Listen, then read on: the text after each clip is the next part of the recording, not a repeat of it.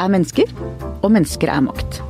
Den som har våpen i hånd, har mulighet til å angripe og til å forsvare seg mot angripere. Og den som rår over hele nasjonens forsvar, har stor makt. Men mest av alt et nesten overveldende ansvar for vår alles trygghet. Forsvarssjef Håkon Bru-Hansen, velkommen hit. Takk skal du ha. Du har ansvar for en etat som har svidd av milliarder av kroner på militært utstyr som knapt har blitt brukt. Det skal vi komme tilbake til. Men først reklame. Ok. Skal vi prøve å finne oss en ny uh, bok? Jeg og kjæresten min vi hører på lydbok er... når vi ligger i senga før vi skal sove. Og det som er en fordel på appen, er jo at man kan sette på sovemodus. Ja, for jeg pleier jo alltid å sovne før deg. Det er veldig koselig å dele en bok på den måten. Og så er det jo eh, litt som å bli lest for når man var liten. Og veldig greit å kunne lukke øya når man skal sove. Ok, skal vi høre på en ny Erlend Lo. Ja. Første del Månedene i furua. God natt, da. Doppler kom ut av de dype skogene en tidlig. Med Storytel får du ubegrenset tilgang til tusenvis av lydbøker direkte fra mobilen din. Prøv Storytel gratis i 30 dager på storytel.no skartveit. Forsvarssjef Håkon Brun-Hansen, du har brukt hele ditt voksne liv i Forsvaret.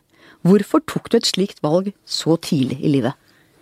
Ja, det var egentlig en tilfeldighet. At alle ble kalt inn på førstegangstjeneste når jeg var ung i 20-årene. Eh, Så jeg startet i Forsvaret på førstegangstjeneste. eh, Og fikk mye ansvar, mye muligheter. Jeg satte pris på det jeg opplevde i Forsvaret, og det gjorde meg interessert i å fortsette å ta både utdanning og karriere. Og det har jeg aldri angret på. Det viktigste med Forsvaret er jo avskrekking. Målet med Forsvaret er jo at vi aldri skal trenge å bruke det. Og hvordan er det å lede en organisasjon som må være på alerten hele tiden, og som samtidig vet at det sannsynligvis, og forhåpentligvis, aldri trenger å bruke det den holder på med i eget land? Ja, Det er eh, definitivt vår målsetting. Vi skal forebygge at noen velger å bruke makt mot Norge. Eh, Det er vi veldig bevisst på, alle de 17 000 som jobber i Forsvaret. Eh, Den evnen til å forebygge, vi tror at det har en veldig stor sammenheng med hvilke ferdigheter og hvilke kapasiteter vi har i det norske forsvar. Eh, Kapasitetene går vi til anskaffelse av, vi trener og øver med de. Ferdighetene demonstrerer vi under øvelser, men også i operasjoner både nasjonalt, hjemme i Norge, langs norskekysten og i havområdene utenfor Norge, i luften, på bakken, men vi demonstrerer også veldig mye gjennom vår deltakelse i operasjoner internasjonalt. Du har vært i Forsvaret både under den kalde krigen, eh, hvor Vesten og Sovjetunionen sto mot hverandre, og nå hva er den største forskjellen på å være i Forsvaret før og etter den kalde krigens slutt? Vel, under den kalde krigen, da var jeg ung, og så mitt helhetlige bilde av utfordringene i Forsvaret var langt mer begrenset der i dag. Men det var ganske enkelt bilde. Det var eh, Warszawapakten og Sovjetunionen på den ene siden, og det var Nato og oss på den andre siden. Vi visste hvem fienden var. Vi visste hvem fienden var. Det var eh, ganske endimensjonalt, konvensjonell konfrontasjon mellom to ideologier. Eh, Det var også den nukleære dimensjonen, men den var ikke vi som nordmenn på mitt nivå den gangen så veldig opptatt av, men den konvensjonelle var vi veldig opptatt av. Vi kunne forholde oss til det vi så på den andre side, og de kunne helt sikkert forholde oss til det. Bildet i dag er langt mer kompleks. Vi har betydelig mer utfordringer. Ikke bare det at det er konvensjonelle motstandere, men vi har asymmetriske trusler, hvor terror er en av de som vi ser mest av for tiden. Vi har fått cyberdomen og cybertrusler som også har vært i vinden. Så det er langt mer komplekst, og Forsvaret må evne å kunne gjøre langt flere ting i dag enn vi gjorde under den kalde krigen. Si litt mer om eh, cyberforsvaret, de digitale truslene. Klarer vi å ta inn over oss hvor alvorlig det egentlig er?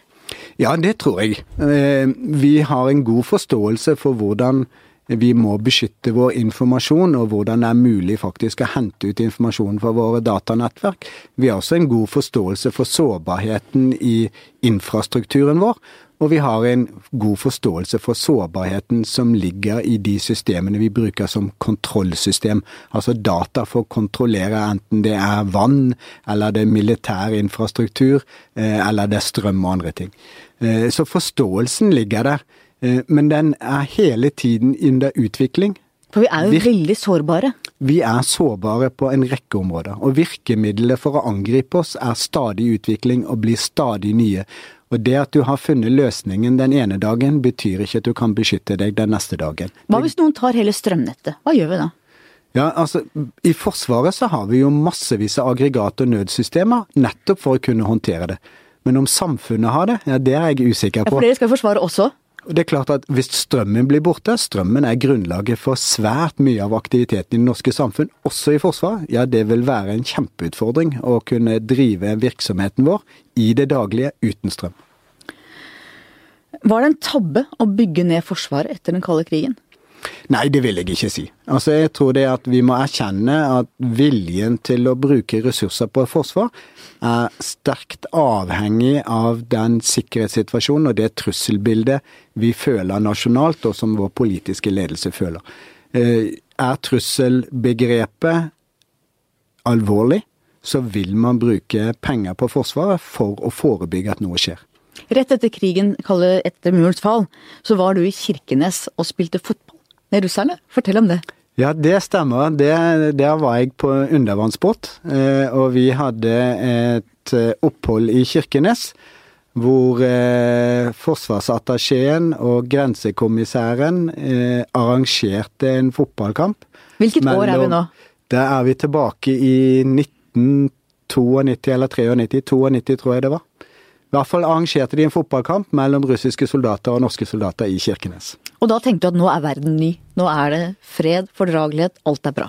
Ja, altså akkurat i 92 så var det så nytt at vi var nok litt mer usikre, og det var eh, litt famlende å føle seg frem. Det var første gangen vi møtte russiske soldater på den måten, og jeg tror nok begge parter følte litt på hverandre. Eh, men det var definitivt starten på en betydelig forandring som vi levde med i positiv forstand hele veien derifra frem til 2014. Og hvem vant fotballkampen? Den gangen var det russerne som slo oss, faktisk.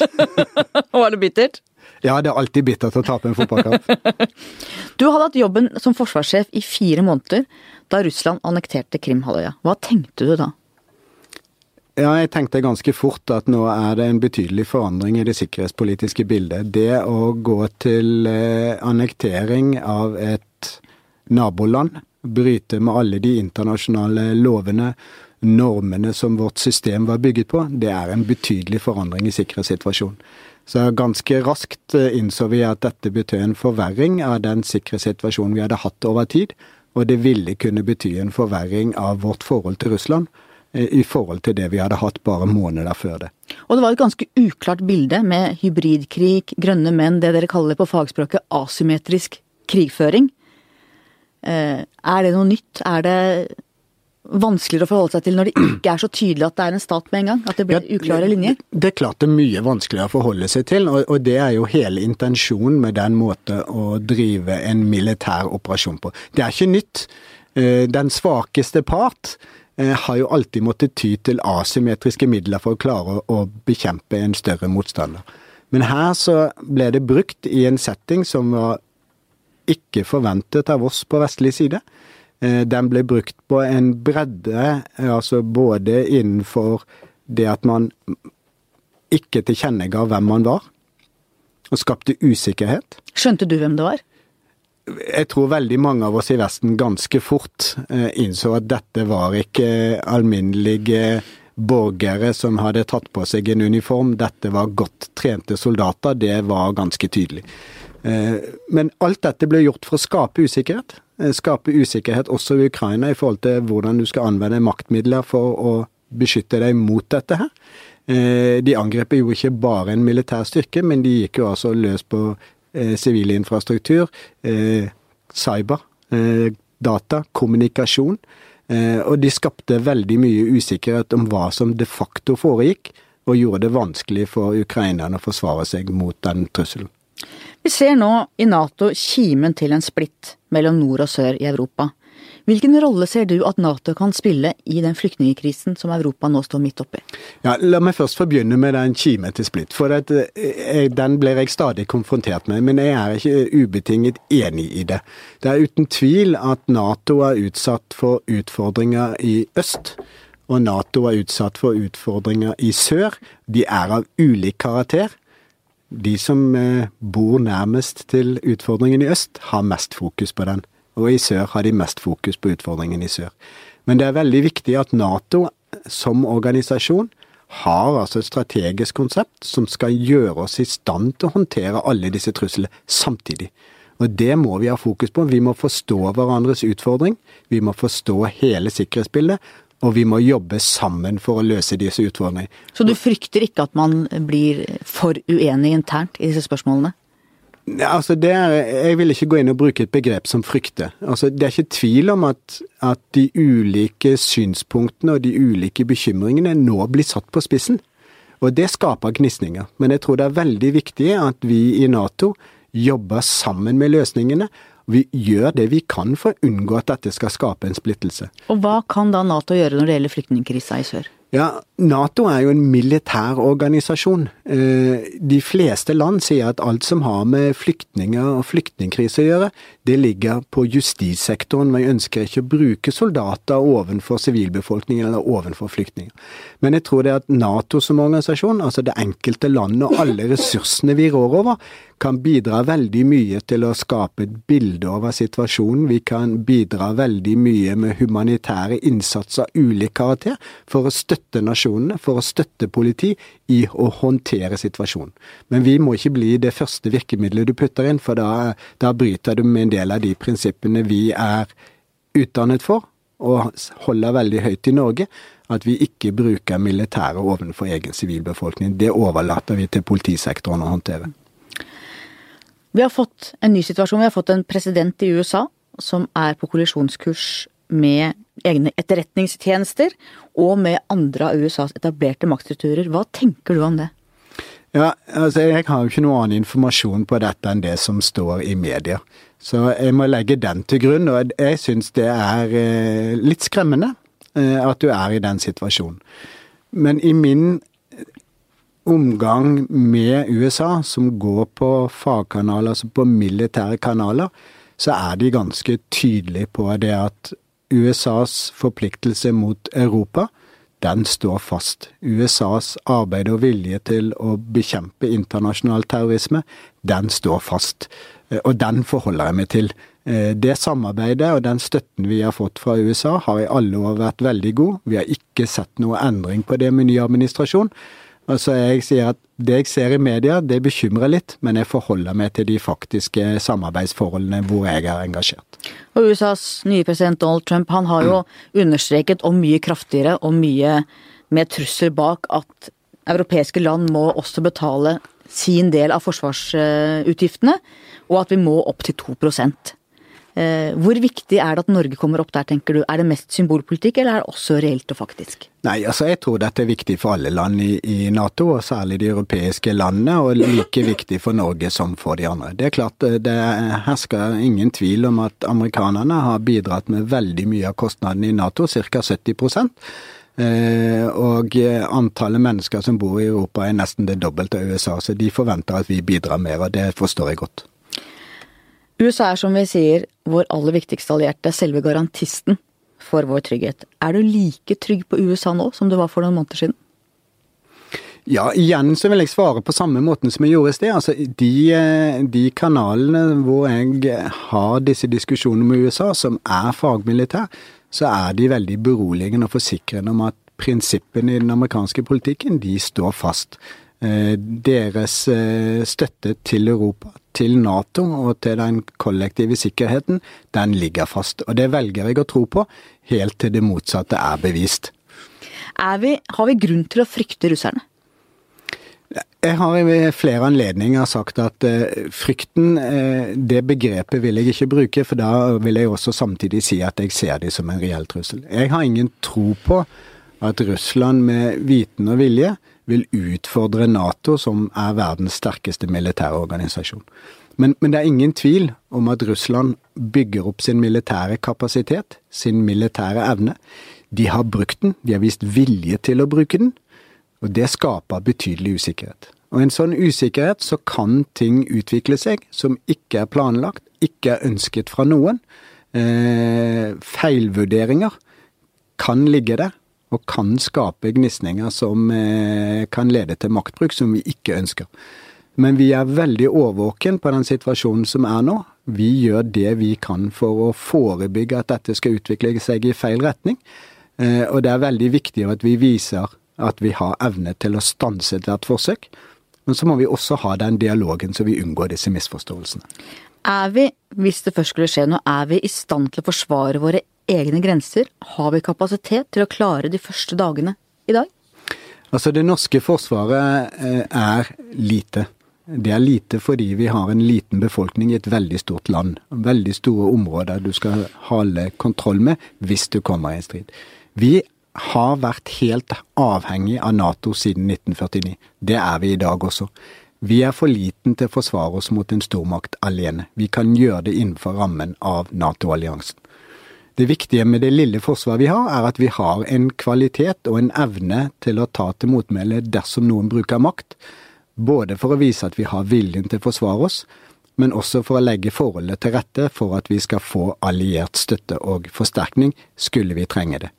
Hvor mange dager vi holder, ja, det er informasjon jeg ikke tar i det åpne rom. det har du ikke lov til? Nei, det er gradert informasjon. Vi ønsker ikke å gi fra oss den type informasjon. Nei, det er betryggende. Det er betryggende. Har vi i for mange år tatt freden for gitt? Har vi lulla oss inn i en litt sånn, du snakket om fotballkampen eh, i Kirkenes, 90-tallet, hvor vi tenkte, i hvert fall jeg tenkte at nå er vi i en ny tid. Francis Fukuyama skrev artikkelen 'The End of History', nå er vi der vi skal være. Tok ja. det for gitt? Jeg tror det er en veldig god beskrivelse. Eh, når vi ikke har blitt utfordret militært i mange generasjoner, så tar vi fredsforholdene og situasjonen for gitt. Men det vi så i 2014, er at det bildet kan endre seg veldig raskt. Og satser vi nok nå? Vi, nei, vi gjør jo per definisjon ikke det, så lenge Nato presser på for at vi skal bruke 2% av bruttonasjonalproduktet, og vi ikke har kommet hit, så gjør vi ikke det. Men jeg, samtidig så er jeg jo veldig glad for den satsingen som regjeringen nå gjør. Jeg har vært søkt å være tydelig på at nå må vi satse på Forsvaret, vi trenger et løft. Eh, det har eh, vi fått politisk forståelse for. Og regjeringen har svart med en langtidsplan som gir akkurat det løftet for å styrke Forsvaret inn i fremtiden. Ok, politikernes planer og ambisjoner sett opp mot de faktiske bevilgningene, både historisk og det som kan komme. Hvordan vil du karakterisere den sammenhengen? Ja, altså Historien er jo ikke god. Eh, den viser jo definitivt det, at eh, vi har altfor mange eksempler på hvor politiske lovnader ikke har blitt fulgt opp i årene etterpå. Nå er det heldigvis slik at den forrige perioden så har de gjort det. Eh, og det lover godt for at den kommende perioden blir fulgt opp i forhold til den langtidsplanen som nå Stortinget har vedtatt. Men du ba om 108 milliarder, du fikk mindre. Hva tenker du om det? Nei, jeg har eh, faktisk etter rundene i Stortinget så er jo vurderingen at eh, summen er på det nivået som jeg anbefalt til det fagmilitære råd, eh, mens enkelte av prioriteringene er annerledes. Er det helt uavhengig av hvordan man regner? Ja, det tror jeg. Altså, min kjennskap til Forsvarsdepartementet og de som har jobbet med alle arbeidene for å fremme en ny langtidsplan, har brukt og jobbet med det samme beregningsgrunnlaget hele veien. Ditt fagmilitære råd, der ble jo hele hæren utsatt. Eh, var det et nederlag for deg, og er det egentlig forsvarlig å utsette det i dagens situasjon? Ja, altså nå har ikke hele hæren blitt utsatt. Vi Men landvaktstudien? Vi har fortsatt eh, den samme hæren som eh, vi hadde før prosessen begynte. Det som ble utsatt var investeringer i nytt artilleri og oppgradering av stridsvogner. Ja, jeg kan leve med det en kort stund. Hva betyr derfor, en kort stund? Ja, Det var derfor jeg sa at landmaktutredningen måtte komme i gang raskt, så vi fikk tatt beslutninger om hvilke ildkraft vi skal ha i Hæren. Og den kom jo i gang raskt. Jeg fikk jo oppdraget en uke etter at langtidsplanen var vedtatt. Og vi jobber iherdig med dette akkurat nå. Jeg har en gruppe dyktige offiserer som jobber med det. Vi bruker en referansegruppe med folk fra industri, forskningsmiljø, Heimevernsrådet og flere andre forhold. DSB er med, politiet er med. For å se på alle aspekter om hva vi ønsker, og hva vi trenger å bruke Hæren til, og hvilke virkemidler Hæren trenger for å løse disse oppgavene. Eh, dette skal være klart i løpet av 2017, eh, og forhåpentligvis blir da beslutningene tatt rimelig raskt etterpå. En slik forsinkelse kan jeg leve med uten at det svekker eh, den operative evnen i Hæren i nevneverdig grad. Da må jeg vise deg et bilde av utvalget som skal ha denne landmaktutredningen. Når du ser på det bildet, der sitter en gruppe mennesker rundt bordet. Er det noe som slår deg når du ser på det bildet? Ja, dette her er jo, dette er jo arbeidsgruppen. Ja, det, er mange, det er mange menn og én kvinne. Ja, ikke sant? Men tok sam, samme, er det i referansegruppen. Det er mange menn og én kvinne. Og hvordan er det mulig? Er det ikke Jo, noen vi har selektert de på bakgrunn av de posisjonene de har. Men Det holder ikke, vet du. Ja, men det er kompetansen fra posisjonene vi trenger inn i bildet. Det er det- dessverre få kvinner. Men da, en ting er få kvinner, da sier du at det finnes ikke én kvinne i noen av disse som er flink nok å ha kompetansen til å gå inn i slike utvalg. Det gjør det. Vi har stabssjefen i Hæren, som er en dyktig kvinne med god kompetanse. Vi har Kristin Lund, eh, generalmajor Kristin Lund, som har god kompetanse. Men vi valgte et sett med stillinger eh, som sitter med kompetansen og jobber med det fagfeltet til daglig for å bistå inn i arbeidet. Derfor endte vi opp med få kvinner. Vi er fullt bevisste, vi skulle ikke ønske at det ble sånn. Nei, Jeg syns det er et helt fryktelig bilde i 2017, det må jeg bare få lov til å si. Men da vil jeg også peke på at andelen kvinner i Forsvaret har jo økt betydelig de senere årene. Altså Verneplikten har jo selvfølgelig bidratt til det, men vi har jo også fått langt flere kvinner inn i toppnivå. Eh, Så der er kvinner nå på toppnivå i alle tre forsvarsgrener. Ja. Nei, skal, vi skal følge med på dette, altså. Det lover jeg. Du var altså en gammel ubåtmann. Hva ved din personlighet er det som gjør at du passer i en ubåt? Ja, det er forhåpentligvis eh, flere ting, men noe av det viktigste når du bor så trangt og jobber så trangt med mennesker over tid, som du gjør i en ubåt, eh, du må ha respekt for andre mennesker. Du må ha tålmodighet med andre mennesker. Ellers så blir det svært vanskelig å få det til å fungere.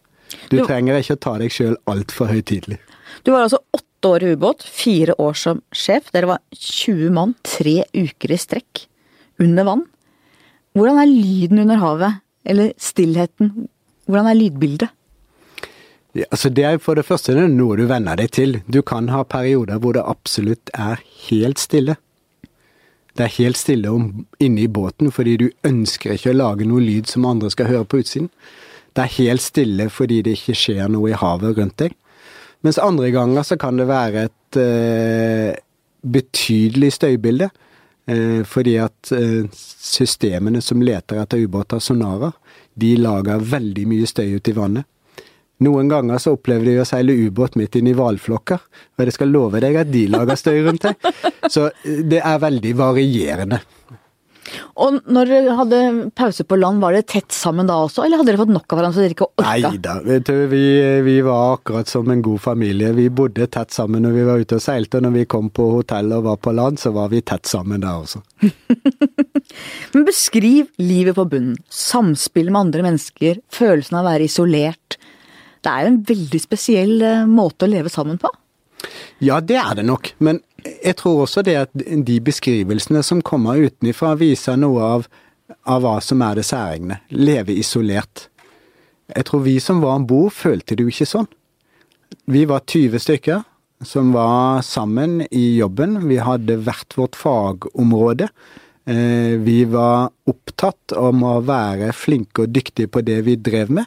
Vi var veldig klar over at de andre om bord stolte på at du kunne jobben din, og at du gjorde jobben din, og du gjorde de riktige tingene til riktig tid. Så eh, vi skapte en veldig respekt for hverandre og hverandres kunnskap. Eh, Vi bygde opp en veldig tillit til hverandre, det var vi nødt til å gjøre for å få systemene til å virke. Eh, Og vi trivdes i hverandres selskap. Så vi følte oss jo på ingen måte isolert. Det var spesielt, men det var en form for liv som vi satte veldig stor pris på. Eh, Og vi hadde veldig stor frihet, så det var ikke så lett å kommunisere med oss når vi var under havets overflate. Men tiltrekker seg en type stillferdige, rolige mennesker. Du kan ikke ha så mye grå, brå bevegelser og høye stemmer et sånt sted. Nei, altså de som er utagerende, ville relativt fort eh, finne ut at dette var ikke stedet som jeg trives på, og ville velge noe annet. Likeså at de som hadde klaustrofobi, de søkte jo seg ikke til ubåt i utgangspunktet. Så det ble nok en, en relativt homogen masse eh, med mennesker som er tilpasningsdyktige. Og som har respekt for hverandre. Dere hadde fem liter vann i uka å vaske dere med. Det var en liten detalj som gjorde inntrykk på meg. Ja, Hvordan går det an? Ja, altså det var jo sånn det var. Vi, eh, de gamle ubåtene Kobbenklassen, som nå står på, land, på land på Marinemuseet i Horten, hadde veldig små vanntanker. Og det vannet skulle primært brukes til mat og koking. Eh, Det skulle brukes til eh, en del på fremdriftssiden og batterisiden. Eh, Så det var lite igjen til hygiene. Så du fikk en bøtte med vann, ikke full engang, én gang i uken, og fikk anledning til å vaske deg. Så, men altså, det var sånn med andre. Vi lukta ikke noe godt. Men det var likt. Vi Og lukta, vi lukta like dårlig alle sammen, så Og vi lever levde tålte- greit med det. Og dere Ja tålte da. hverandre. Ja, det, det Og så, før røykeloven, så røyka dere, du òg.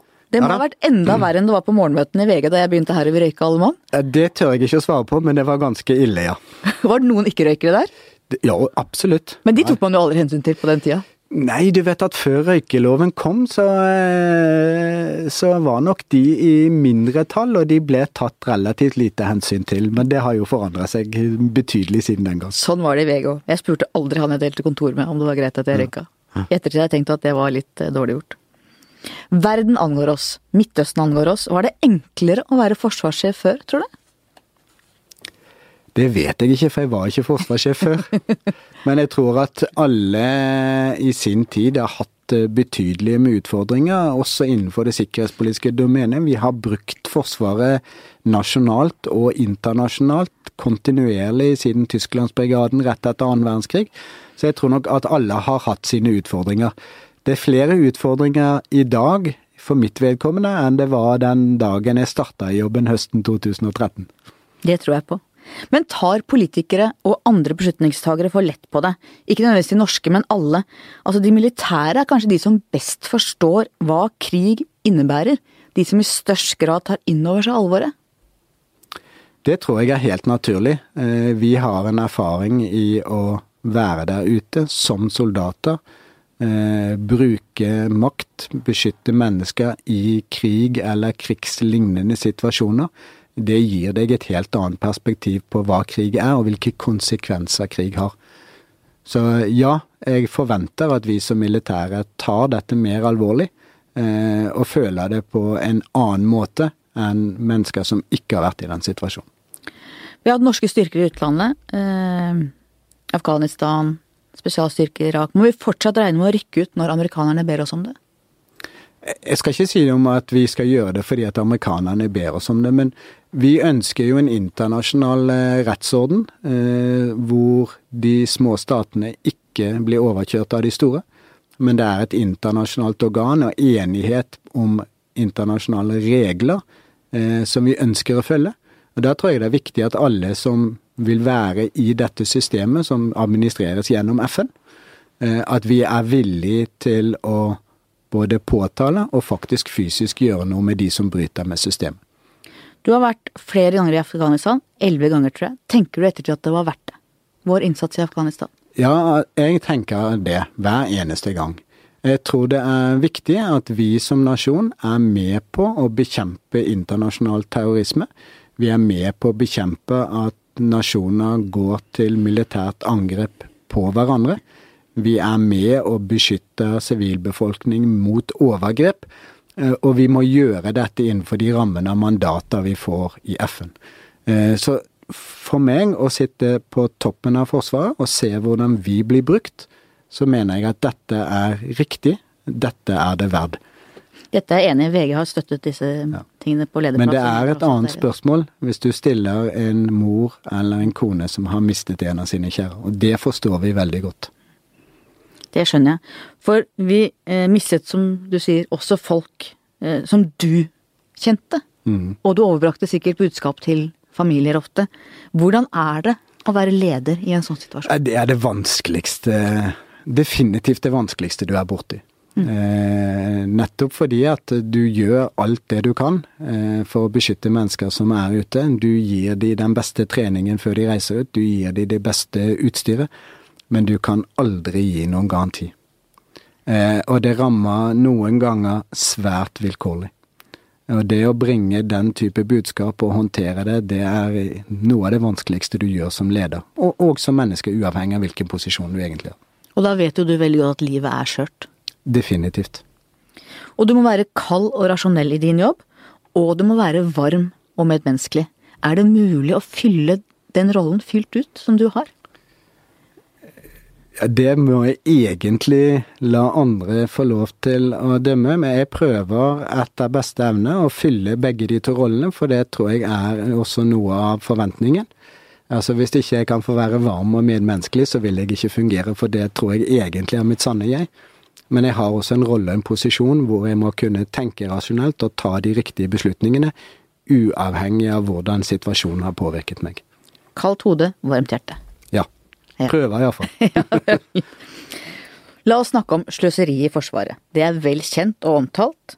Eh, Dere har kjøpt vogn, transportvogner som dere ikke har brukt. Dere har bygd opp svære eh, eh, huler i fjellet som man ikke har brukt.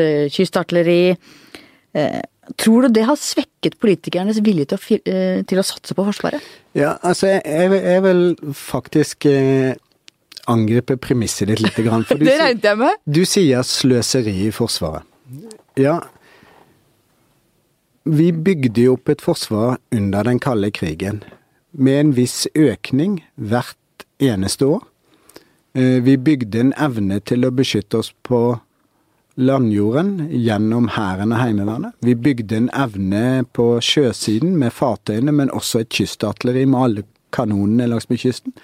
Og vi bygde på luftsiden for å kunne bekjempe luftstrid. Det kostet et visst antall milliarder kroner hvert år. Og som vi var inne på tidligere i diskusjonen her, så kom fredsdividenden.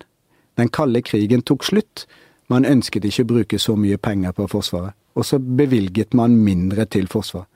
Da er det klart at jeg og Forsvaret fikk masse utstyr som vi ikke klarte å drifte lenger, og som det ikke var behov for når vi reduserte størrelsen. Så Derfor så arresterer jeg premisset litt, for det, det er ikke nødvendigvis at Forsvaret feilinvesterte, men vi investerte i en tid for et helt annet forsvar enn det man i neste omgang var villig til å finansiere. Men du har jo hatt installasjoner som har vært i bruk i 48 timer, og så blir de stengt ned. Ja, altså kystartillerifortene, men, men de ble jo besluttet bygget på 80-tallet under den kalde krigen, og de sto ferdig etter at den kalde krigen var ferdig. Ok, Hvis jeg utfordrer deg, kan du komme på én investering som du syns er liksom den flaueste og dummeste, hvis du er helt åpen og ærlig nå, hvor du tenker nei, det Også da vi tok den beslutningen, så var det feil, det skulle vi aldri ha gjort. Nei, det kan jeg ikke. Altså, det, har, det er fullt mulig at det har lagt tilbake i tid, men jeg kjenner ikke i grunnlaget for de beslutningene, og kan si noe sånt i etterkant. Eh, de beslutningene, eller de investeringene vi har gjort i min periode som forsvarssjef, har vært vel overveid. Og så kan det hende at ettertiden vil komme med den samme påstanden som jeg nå begynner med.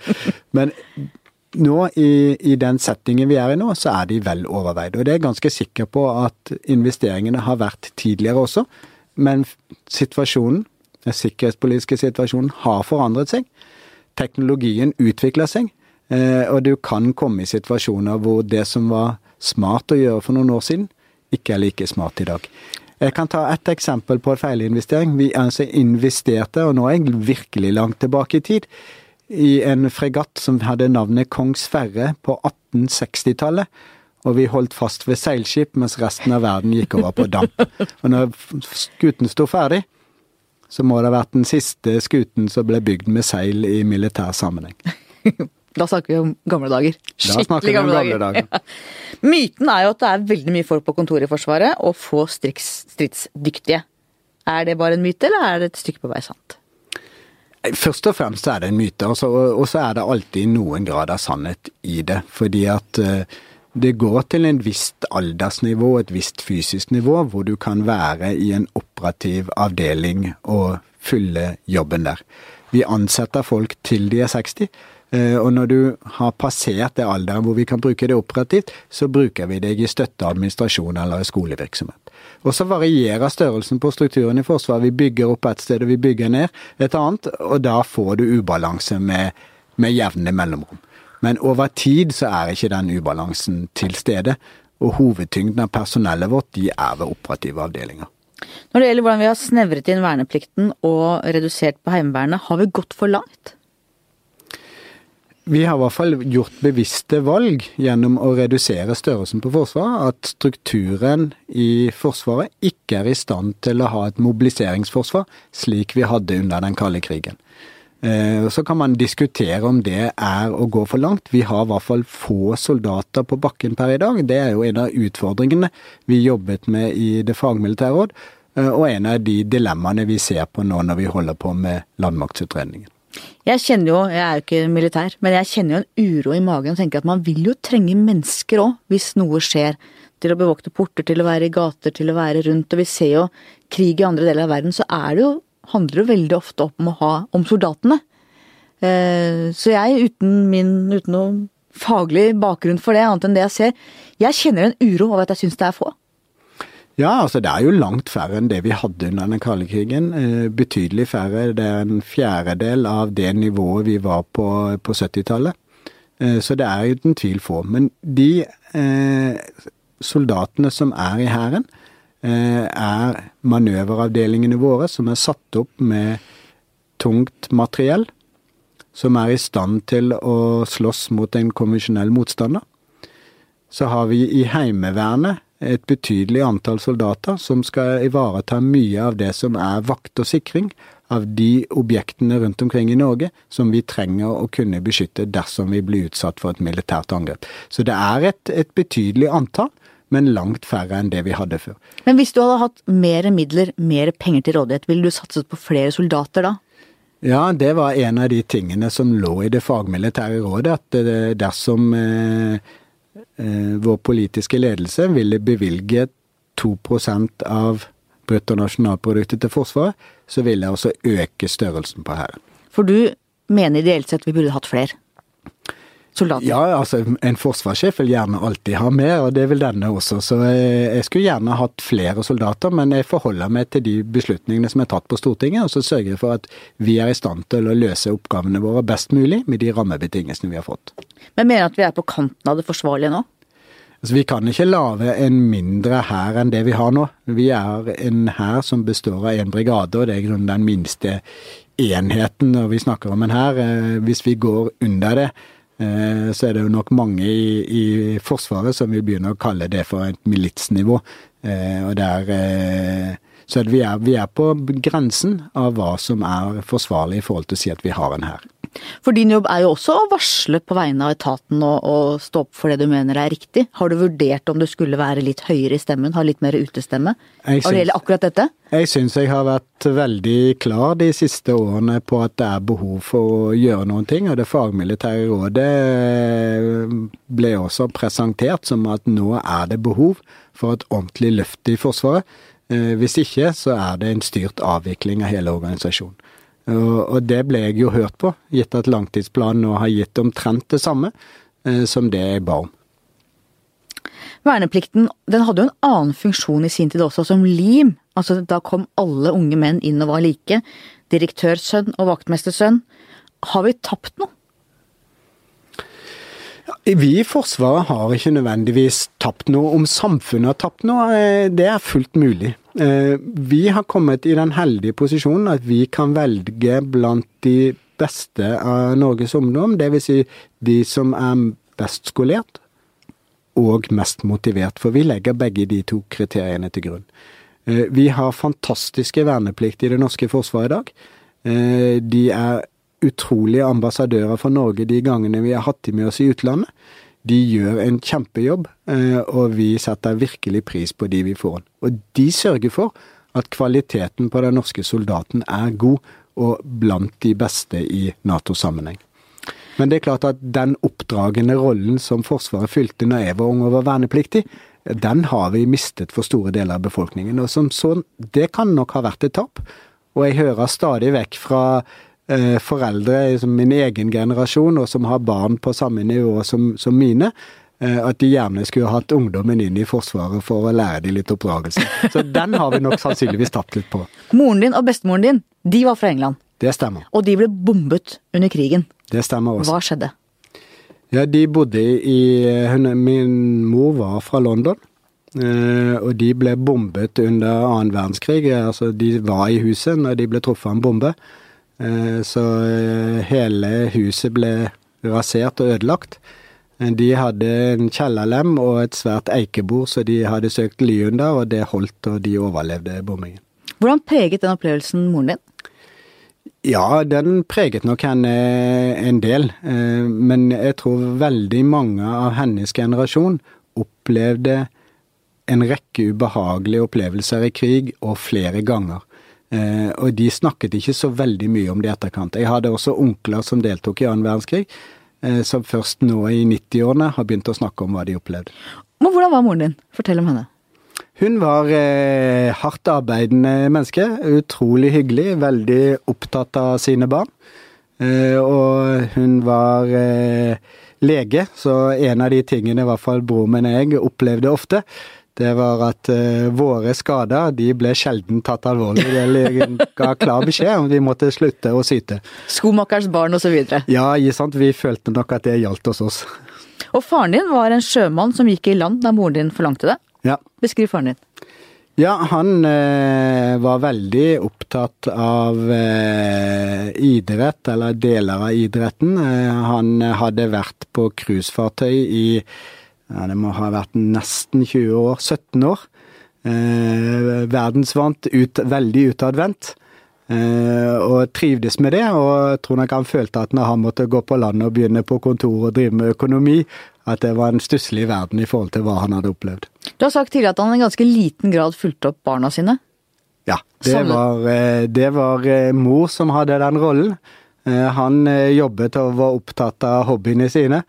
Og Jeg har vel også sagt det en gang før at det skal jeg prøve å unngå, men akkurat i disse dager i denne jobben, så skjønner jeg hvordan det blir vanskelig, og av og til du møter deg sjøl i døren. Savnet du ham? Ja, de, definitivt.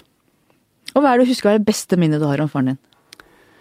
Ja, det var når vi bygde hus. Da var jeg altså akkurat i ferd med å skulle begynne på skolen. Eh, og eh, det å være med han ut og så se på tomten og være med og se på hvordan huset utviklet seg, det syns jeg var veldig stas. Det husker jeg igjen. Jeg var altså seks og syv år gammel når det skjedde. Eh, og når jeg kom i 18-årsalderen og fikk ansvaret for å ta vedlikeholdet fra dette huset, det, det syns jeg var stort.